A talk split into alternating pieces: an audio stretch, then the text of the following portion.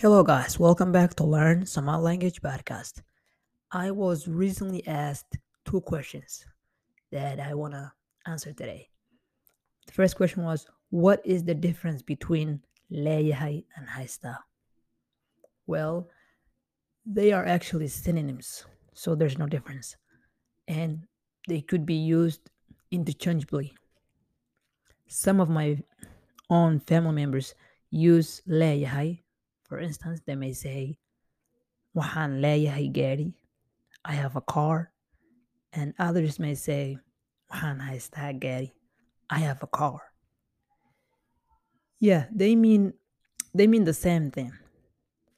It is like um, these two English sentences, like I have a car and I got a car.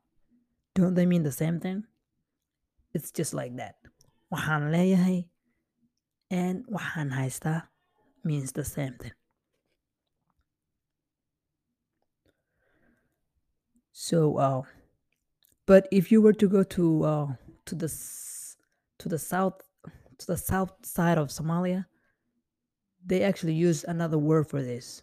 Uh, the word they use is qaba ama qabta. They may say qalin ma qabta. What they mean is that do you have a pen? But in the north in the north side of Somalia, they would say qalin ma haysa. Do you have a pen? it feels weird to me and most of the people who actually reside in the northern side of Somalia. The word kapta means half to them, but the, the people who live in the in the north, this word means something else to them. It means married. So in the north, people might say, "Waxaan qabaa xaas," I am married, a wife to a wife, you know.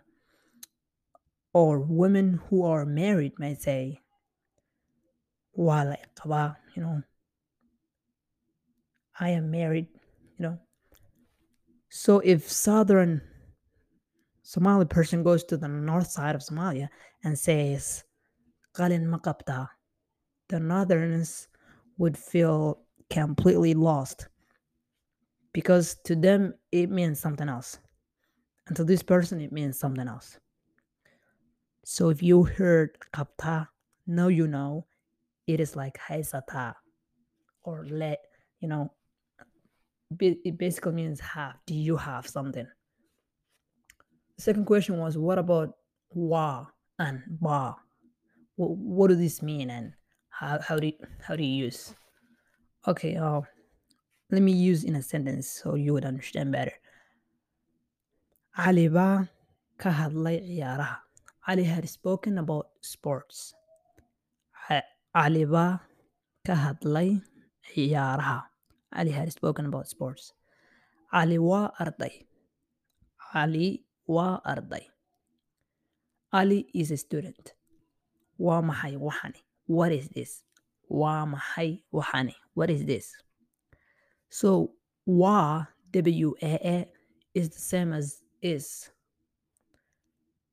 And ba sometimes means is because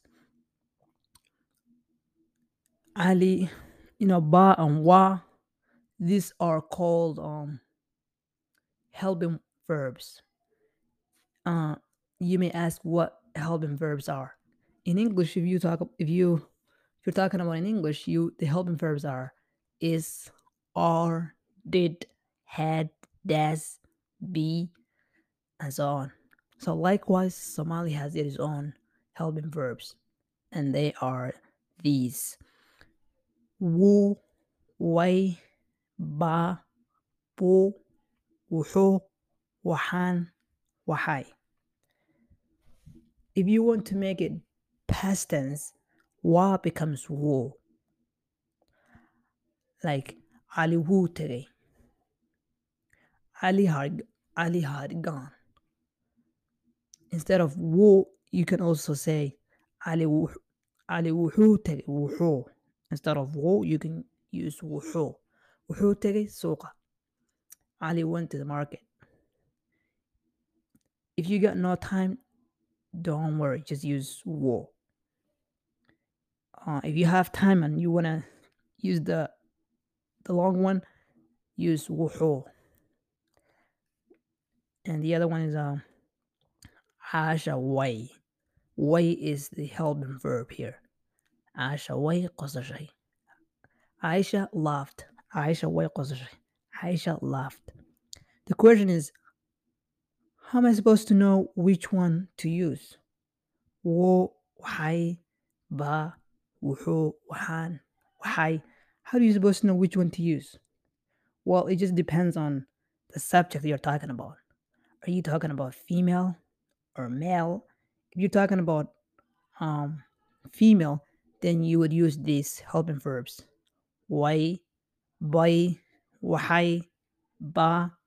If you're talking about male, wo, ayo, you know, wuxuu, those kind of uh, helping verbs. That is what you would use. To summarize what I was talking about, the difference between haysta and leeyahay. There is no difference between that. Waxaan haystaa and waxaan leeyahay mean the same thing. And uh, the second question was ba and wa. These are called helping verbs.